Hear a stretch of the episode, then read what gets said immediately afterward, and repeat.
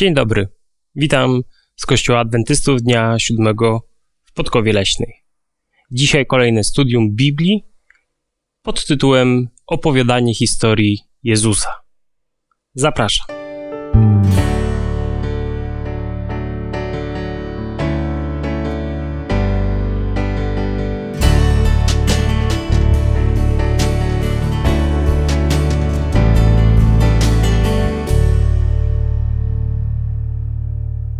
Mam na imię Konrad, a dzisiaj w studiu ze mną są przedstawiciele Związku Harcerstwa Adwentystycznego Karolina i Adam. Czuwaj Maranata. Czuwaj Maranata. Nasze rozmowy przy Biblii rozpoczniemy wspólną modlitwą razem z Adamem.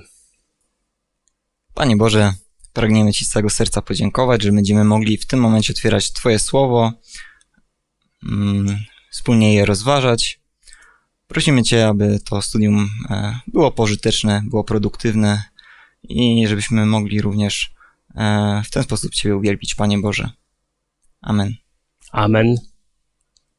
Dawno, dawno temu, w odległej galaktyce, a może nie tak dawno, nie, nie aż tak odlegle, bo jeszcze w XX wieku w naszej części Europy, ludzie poszukiwali prawdy, prawdy na temat świata. Czym jest życie, jaki ma sens, czy są obiektywne wartości moralne, czy istnieje Bóg. Dzisiaj natomiast każdy wydaje się mieć swoją własną prawdę, tą najprawdziwszą, za którą gotowy się jest bić, a czasami nawet o niej myśleć.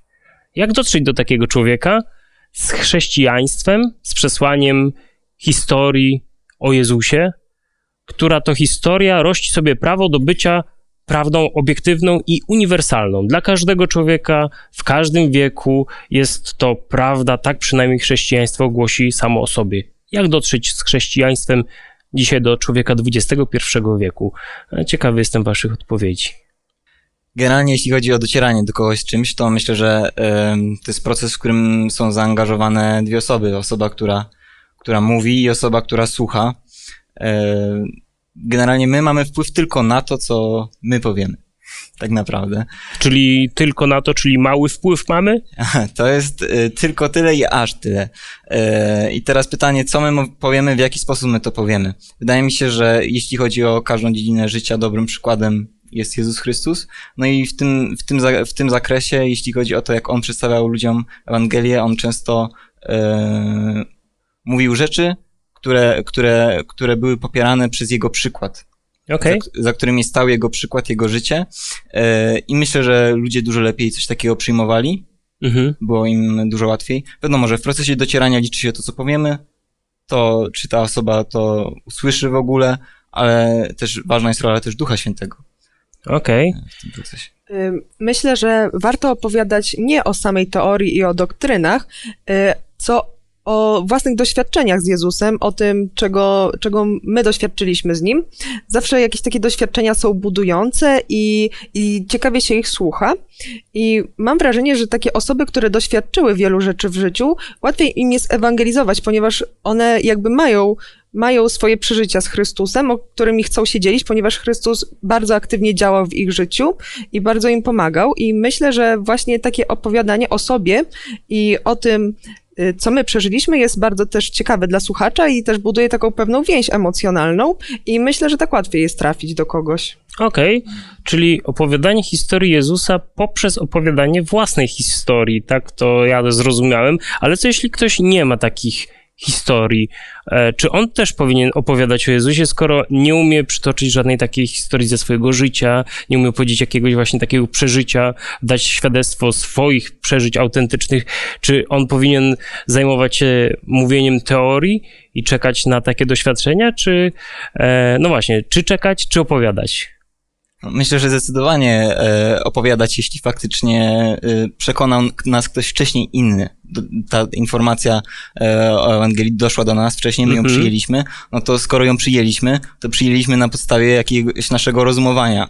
E, albo coś nas, coś, coś też nas przekonało po Tak, prostu. to jest op- optymistyczna wersja, ale czasami ktoś się urodził w domu wierzącym, rodzinie Pytanie wierzącej. wtedy, czy on przyjął. My rozmawiamy o takiej sytuacji, że ktoś przyjął i teraz Okej. chce się dzielić. No i teraz y, rodzi się pytanie, jak on dalej y, może się dzielić. Myślę, że warto po prostu opowiedzieć, o, co mnie osobiście przekonało po prostu. Mhm.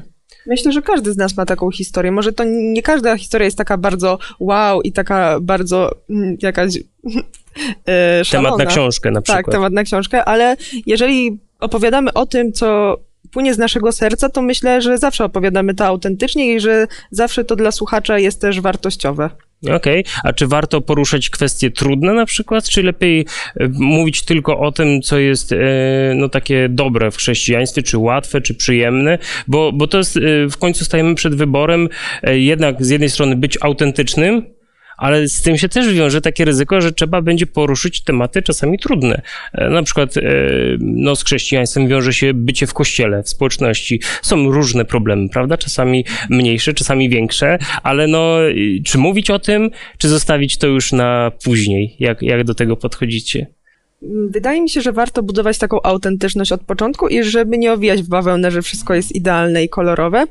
Y, Myślę, że warto się skupić na przesłaniu Jezusa i na tym, że jakby mamy zbawienie przez Niego. Mhm. Y, Nie, jakoś nie, może nie zwracać specjalnej uwagi na Kościół i na ludzi w nim będących, ale też nie ukrywać, że jakby jest to idealna społeczność i że nie ma żadnych problemów. Okej, ale czy to nie dowodzi tego, że jednak ta nauka Jezusa nie działa dobrze, skoro są problemy? Wszyscy mamy grzeszną naturę i szatan działa i bardzo też chce działać w Kościele. Mhm. I często mu się to udaje. Okej. Nikt nie jest idealny. Uważam, że y, to, co y, powiedziała Karolina w tym momencie jest jak najbardziej słuszne, tylko że możemy wpaść w taką skrajność i, i, i tak ym, uważać, że jako Kościół nie, nie stoi przed nami y, żadna odpowiedzialność, bo, bo jest, mamy grzeszną naturę i popełniamy błędy.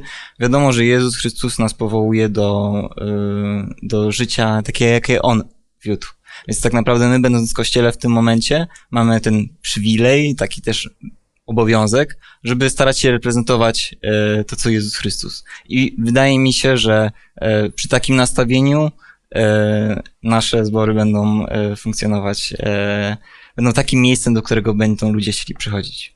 Okej, czyli z jednej strony autentyczność, a z drugiej strony to nie może być takim, taką wymówką, tak? Mhm. jeśli dobrze zrozumiałem. Ale nie ominiemy jednak tej teorii. Chrześcijaństwo mówi coś, e, jest przesłaniem pewnego, pew, pe, pe, pewnej nauki, czy my to nazywamy dzisiaj czasami doktryny. E, coś jednak mówimy, prawda? I co jest takim według was sednem chrześcijaństwa? Takim ponadczasowym, co dotrze i do człowieka w pierwszym wieku naszej ery i e, w, w czasach średniowiecznych docierało i dociera, no przynajmniej do niektórych dzisiaj. Co jest takim sednem przesłania chrześcijaństwa? Wydaje mi się, że sednem przesłania chrześcijańskiego jest y, zbawienie, które mamy w Jezusie, które dostaliśmy dzięki temu, że Jezus przyszedł na świat i za nas zmarł. Uważam, że jest to takie ponadczasowe y, przesłanie, ponieważ ludzie często myślą, co się z nimi dzieje po śmierci, jakie to życie ma sens i w ogóle. No i właśnie jakby ta śmierć Jezusa, którą za nas, za nas poniósł, dowodzi tego, że jednak jest coś więcej po, poza tym życiem, że możemy dążyć do czegoś lepszego i czegoś wyższego i osiągnąć taką wspaniałą społeczność z Bogiem. Mhm. Adam, zgodziłbyś się z tym, czy coś byś dodał? No ja może trochę jeszcze uzupełnię stać ze swojej strony. Mm, Generalnie jeśli chodzi o, o samo słowo sedno, moim zdaniem sednem, mm, czyli elementem, bez którego tak naprawdę chrześcija- nie możemy mówić o chrześcijaństwie, jest zmartwychwstanie Jezusa. To Mhm. cała, cała, cała, cała historia Jezusa, e, wszystko, co było o nim mówione od tak naprawdę e, w Starym Testamencie, od początku istnienia świata, wszystko to sprowadza się do tego momentu. E, Myślę, że to jest takim sednem. Aczkolwiek ty tam jeszcze dodałeś, pytałeś się o jeszcze jedną rzecz poza sednem. Ja teraz już nie pamiętam, Aha. ale to było sedno mojego pytania, o- Okej. pytanie o sedno. Dobra. Natomiast, okej, ale mm, zgodzę się, że i nauka o zbawieniu, jako ponadczasowa, mi się wydaje, póki żyjemy na tym grzesznym świecie i umieramy, jednak jest to pytanie o lęk, o rozpacz ludzką, a z drugiej strony faktycznie zmartwychwstanie, które jest no jakby takim punktem zwrotnym całej Ewangelii, No a na przykład co powiemy, dlaczego ofiara Chrystusa nie jest sednem chrześcijaństwa? Ktoś mógłby zadać takie pytanie, dlaczego powiedziałeś akurat zmartwychwstanie? Albo może Karolina się wstawi za tobą, albo ty się sam wybronisz. No, zapytałeś, za- zapytałeś mnie o sedno, powiedziałem, że zmartwychwstanie. Tutaj mm, powiedziałeś, że e, dlaczego nie ofiara. Oczywiście ofiara też jest bardzo ważna. Ofiara Jezusa jest bardzo ważna, ale myślę, że y, sam fakt zmartwychwstania y, jest taką pieczęcią, która zaświadcza o tym wszystkim, co się wiąże e, z, y, z chrześcijaństwem. Mhm. Również o tych kluczowych elementach, czyli o ofierze. Okej, O tym, że otrzymamy drugie życie tak naprawdę, że nawet jeżeli umrzemy, to że możemy powsta- powstać z martwych. Mhm. Okej. E, Zobaczmy na taki tekst apostoła Pawła z pierwszego listu do Koryntian, 15 rozdział. E, Jest to mm, no, uważany za najstarszy tekst, e, najstarszą katechezę i takie przesłanie chrześcijaństwa, które stosuje Paweł. Jest to też najprawdopodobniej najstarsza tekstowa wzmianka na temat zmartwychwstania Chrystusa, bo ponieważ listy powstały wcześniej niż Ewangelie, chociaż w Nowym Testamencie są po Ewangeliach. Pierwszy list do Koryntian, 15 rozdział i wersety od pierwszego do 11. Bardzo proszę e, chętną osobę o przeczytanie. A przypominam wam, bracia, Ewangelię, którą wam zwiastowałem, którą też przyjęliście i w której trwacie, i przez którą zbawieni jesteście, jeśli ją tylko zachowujecie tak, jak wam ją zwiastowałem, chyba że nadaremnie uwierzyliście. Najpierw bowiem podałem wam to, co i ja przejąłem, że Chrystus umarł za grzechy nasze według Pism, i że został pogrzebany, i że dnia trzeciego został z martwych wzbudzony według Pism, i że ukazał się Kefasowi, potem dwunastu. Potem ukazał się więcej niż pięciuset braciom naraz, z których większość dotychczas żyje. Niektórzy zaś zasnęli. Potem ukazał się Jakubowi, następnie wszystkim apostołom, a w końcu po wszystkim ukazał się i mnie, jako poronionemu płodowi. Ja bowiem jestem najmniejszym z apostołów i nie jestem godzien nazywać się apostołem, gdyż prześladowałem Kościół Boży. Ale z łaski Boga jestem tym, czym jestem, a łaska Jego okazana mi nie była nadaremna, lecz jako daleko więcej, niż oni wszyscy pracowałem. Wszakże nie ja, lecz łaska Boża, która jest ze mną. Czy więc ja, czy oni, to samo opowiadamy i tak uwierzyliście. Okej. Czyli inaczej mówiąc, apostoł Paweł przedstawia Ewangelię. E, no i o czym on tutaj opowiada? Dziękuję, że przeczytałaś, a teraz spróbujmy własnymi słowami e, jakoś to odnieść. Jak on przedstawia tę Ewangelię o Jezusie Chrystusie? E, w tym fragmencie, który przeczytaliśmy, bardzo ciekawy jest pierwszy tekst. On tutaj mówi, że em, to jest Ewangel... przypomina Ewangelię, którą już zwiastował, czyli apostoł Paweł w tym momencie tak naprawdę e, przypomina e, w jaki, jakich, jakich użył argumentów, e, po prostu w jaki sposób przekazał im Ewangelię. E, I mamy tutaj ten, e, od, od początku tak naprawdę mamy ym, powiedziane, że Jezus umarł za grzechy i to, że to było zapowiedziane, czyli mamy ten kontekst całego Starego Testamentu. Mhm. Potem mamy świadectwa e, apostołów, e, którym się ukazał, tak? E, Po zmartwychwstaniu. po zmartwychwstaniu, więc oni też zaświadczają, ci ludzie żyli w tym momencie, więc, więc, e, więc e, też Koryntianie mieli świadomość, że po prostu to są żywi ludzie. I Mhm. on, on się nie odnosi do nich jako do jakichś ludzi z przeszłości, tylko do, e, do Współczesnych im. współczesnych im czasów tak naprawdę. Mhm. Mm, No i potem opowiada swoją historię. Czyli przeszedł przez ten cały kontekst y, Starego Testamentu, e, potem opowiedział o, o tym, y, o uczniach, e, uczniach Jezusa, a potem zaczął opowiada- opowiadać swoją historię, czyli o tym, o, o tym jak, jak to się stało, że on uwierzył. Czyli, że spotkał Jezusa w momencie, kiedy prześladował Kościół Boży, ukazał mu się, wiemy, e, w drodze do Damaszku. Tak. E, wydaje mi się, że to jest. Bardzo mi się podoba to, co mówi tutaj apostoł Paweł, czyli przechodzi od takiego ogółu do, do szczegółu, do swojego. E, Mhm. Czyli jakby z perspektywy historycznej do takiej egzystencjalnej, własnej swojej Mhm. przeżycia, e, swojego spotkania z Jezusem. Okej, czyli no faktycznie jest i śmierć Chrystusa, i zmartwychwstanie, i świadectwo pierwszych uczniów, i świadectwo jego osobiste. Ale jak e, można z tego wynieść coś dla praktyki opowiadania o Chrystusie dzisiaj?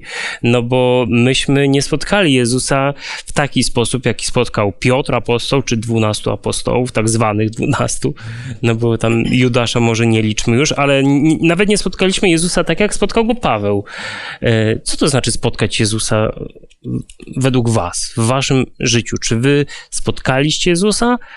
I co to może oznaczać? Bo to nie znaczy to samo. To, to słowo jest troszkę inne, prawda? Trochę coś innego chyba znaczy dzisiaj. Myślę, że możemy spotkać Jezusa. Okej. Dobra.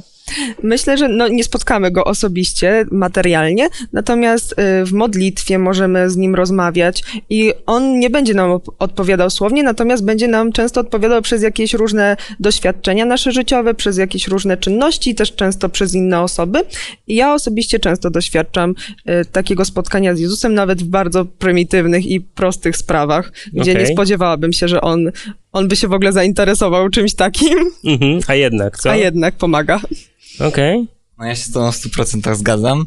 E, Ten początek wypowiedzi, który powiedziałaś, że nie możemy spotkać Jezusa osobiście, e, tutaj mam trochę inne zdanie, dlatego że mamy przykład, który przed chwilą przeczytaliśmy, że apostoł Paweł tak naprawdę już Jezusa nie było na tej ziemi, a go spotkał mimo wszystko. E, To też jest, to też jest ciekawy przykład. Jezus mu się objawił, tak? Tak. Czyli Są różne, różne formy. może tak być, Tak, prawda? Są może też tak być. Nie wykluczając. historie, historie na przykład z, e, z krajów e, Bliskiego i Dalekiego Wschodu, objawień Jezusa w snach na przykład. E, Ludzie Mhm. mówią, że objawił im się Jezus i, zaczynają interesować się chrześcijaństwem, gdzie nigdy by pewnie jakiś misjonarz nie dotarł. Okej, czyli no nie wykluczajmy tych, e, nazwijmy to, nadprzyrodzonych objawień, ale faktycznie e, mówisz, Karolina, że w takim codziennym życiu, w prozaicznych sytuacjach, nawet wtedy można spotkać tego Jezusa. E, Ja na przykład, jeśli mógłbym odpowiedzieć na swoje pytanie, chociaż mm, może wasza odpowiedź była dla mnie bardziej interesująca, ale jeśli chcecie usłyszeć już i pytacie, to odpowiem, że e, wydaje mi się, że można też Jezusa, Jezusa spotkać w drugim człowieku. E, Jezus podaje taką, no, no nawet nie przypowieść, ale tekst e, sądu ostatecznego, gdzie, gdzie po prostu utożsamia się z każdym, komu pomogliśmy, z każdym, komu nie pomogliśmy, prawda? I mówi, że to tak jakbyśmy jemu pomogli. E, to tak bym chciał tylko dodać do tych e, waszych ciekawych wypowiedzi, że również i tam można spotkać Jezusa w taki sposób, no, bardzo materialny, chociaż no, zakamuflowany. Okej, em, możemy spotkać tego Jezusa mm, na różne sposoby. Opowiadanie o tym Jezusie jest opowiadaniem Ewangelii. Wiemy już, co jest tym sednem Ewangelii, że jest to zbawienie w Jezusie Chrystusie, że jest to zmartwychwstanie Jezusa Chrystusa. E... Zobaczmy jeszcze, pociągnijmy ten temat zmartwychwstania na chwilę. Z, zgodnie z myślą apostoła Pawła, ten sam list, e, pierwszy do Koryntian 15, od 12 do 19 wersetu. Zobaczmy, że on tam naprawdę kładzie duży nacisk na zmartwychwstanie. Ciekawy jestem, co on tam napisał. A jeśli się o Chrystusie opowiada, że został z martwych wzbudzony, jakże mogą mówić niektórzy między wami, że zmartwychwstania nie ma? Bo jeśli nie ma zmartwychwstania, to i Chrystus nie został wzbudzony. A jeśli Chrystus nie został wzbudzony, wtedy i kazanie nasze daremne, daremna też wasza wiara. Wówczas też byliśmy fałszywymi świadkami bożymi, bo świadczyliśmy o Bogu, że Chrystusa wzbudził, którego nie wzbudził, skoro umarli nie bywają wzbudzeni. Jeśli bowiem umarli nie bywają wzbudzeni, to i Chrystus nie został wzbudzony. A jeśli Chrystus nie został wzbudzony, daremna jest wiara wasza. Jesteście jeszcze w swoich grzechach. Zatem i ci, którzy zasnęli w Chrystusie, poginęli. Jeśli tylko w tym życiu pokładamy nadzieję w Chrystusie, jesteśmy ze wszystkich ludzi najbardziej pożałowania godni. Dziękuję bardzo.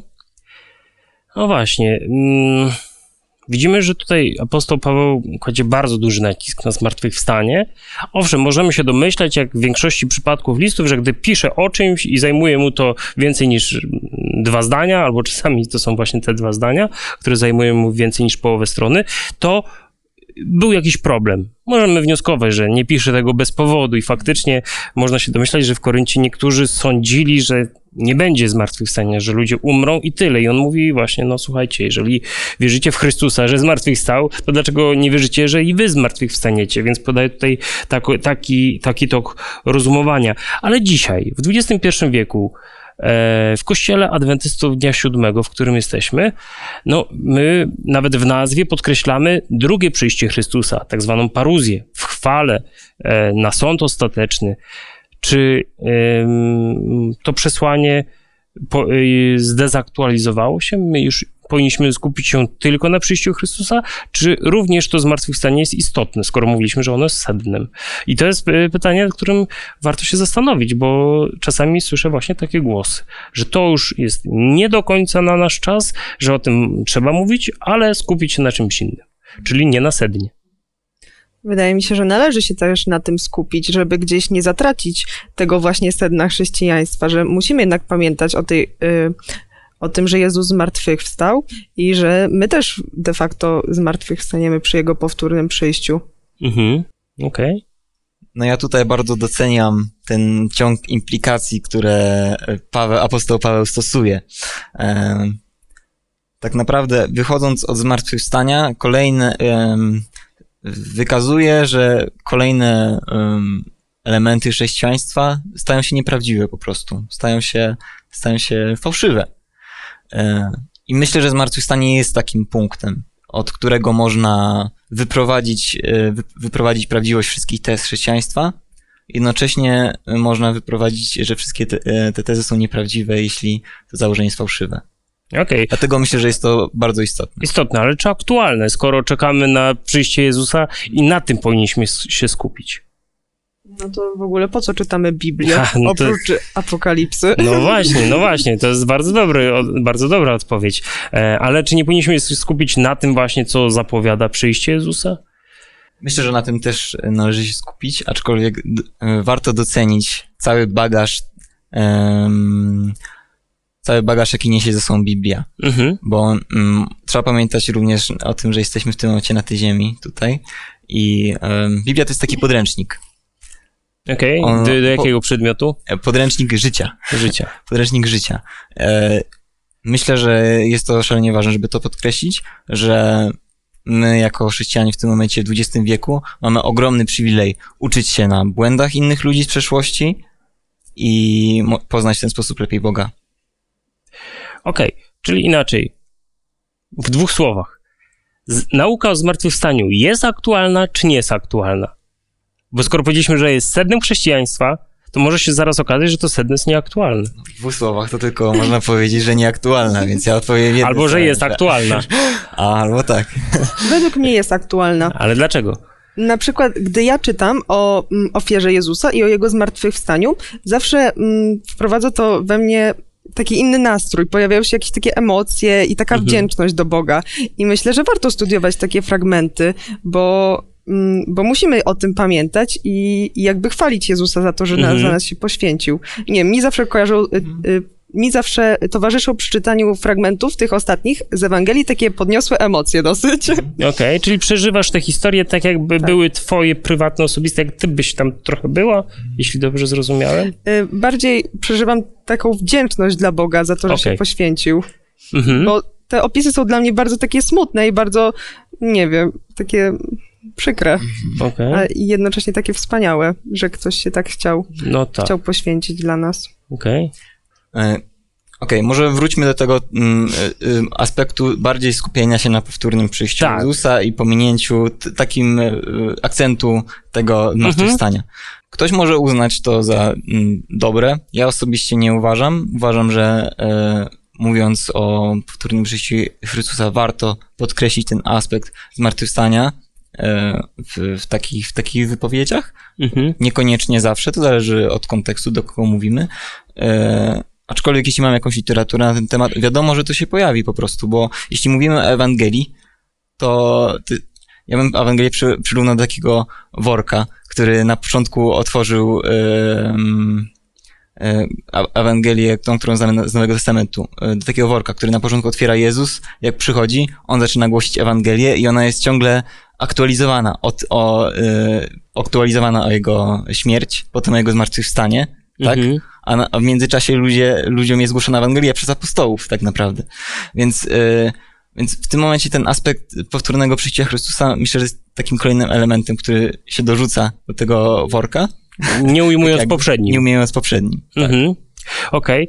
No faktycznie niektórzy mówią, że sami chrześcijanie nas otaczają, ale na przykład badania pokazują takie, gdzie prowadzono na próbie 108 krajów, że jesteśmy na pierwszym miejscu w e, zjawisku sekularyzacji młodego pokolenia, czyli poniżej 40 roku życia mamy aż chyba dwa- 28-punktową e, punktowo-procentową różnicę e, zaangażowania religijnego między osobami poniżej 40 roku życia i powyżej, na przykład, tak? Al, albo różne badania, nawet ludzi, którzy określają się jako chrześcijanie, często w takich szczegółowych pytaniach okazuje się, że oni nie wierzą w zmartwychwstanie, albo nie wierzą e, w zmartwychwstanie Jezusa, czy to, że był w ogóle Synem Bożym, a mówią o sobie, że są chrześcijanami. Tak więc no, sama etykietka mi się wydaje, że to jeszcze jest za mało e, i zgodzę się z wami, że tutaj starałem się was tak podpuścić, ale obroniliście to sedno chrześcijaństwa. Podoba mi się to.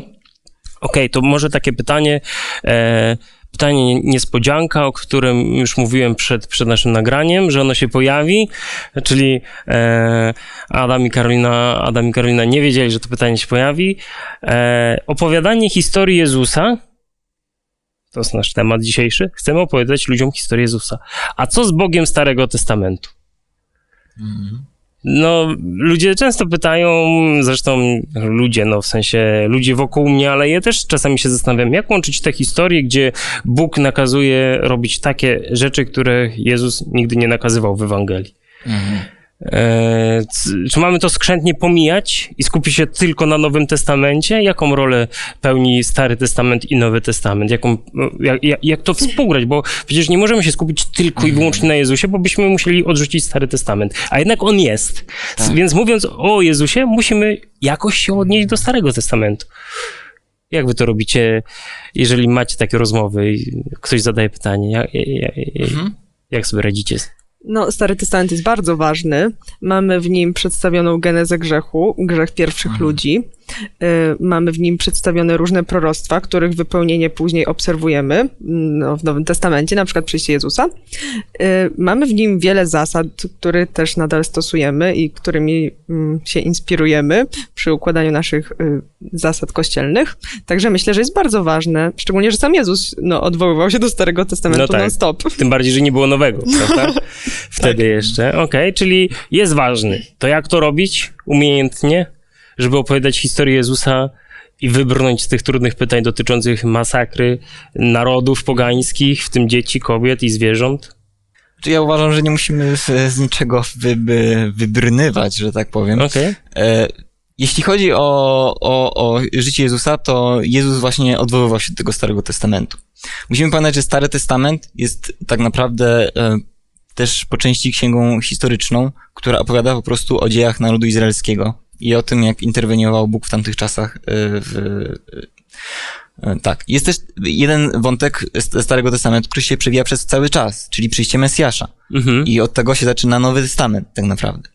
Poza tym wszystkim mamy w Starym Testamencie właśnie te masakry, o których wspominałeś, e, mm, działania narodu izraelskiego, e, niewola babilońska, proroctwa, które wspominała Karolina. Mamy te wszystkie inne rzeczy.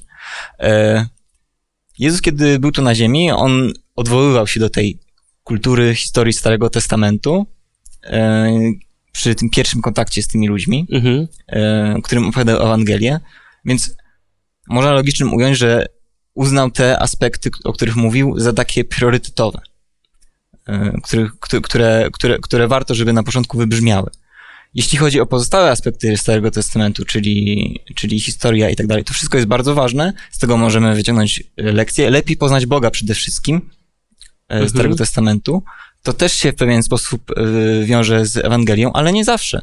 Są historie w Starym Testamencie, które, które na przykład e, w jakiś bezpośredni sposób nie łączą się z postacią Jezusa, Okej. tak? Ale są po prostu tam zawarte, bo to jest historia narodu izraelskiego i tego, jak Bóg działał w tamtych Mhm. czasach. Zobaczmy taki tekst z Ewangelii Jana 5:39. Jezus sam komentuje Stary Testament, e, czyli tak zwane Pisma Święte. Zobaczmy, co on tam powiedział, a sądzę, że pewnie wszyscy to przyjmiemy. E, ja może przeczytam z Biblii Ekumenicznej. badacie pisma, bo wam się wydaje, że w nich macie życie wieczne, również one świadczą o mnie. Okay? E, jasne, może troszkę wyrwane z kontekstu, może warto przeczytać wcześniej i dalej, ale generalnie tekst ten właśnie pozycjonuje Jezusa względem Starego Testamentu. Co z tego wyciągamy dla siebie samych? Dla nas samych, dla, dla innych ludzi, którym opowiadamy o Chrystusie. Jak to robić umiejętnie? O, może już odpowiedź była w zasadzie, a teraz mhm. ja zadaję pytanie, ale powtórzmy jednym zdaniem, esencjonalnie. Stary Testament i Jezus, jak to się ma do siebie?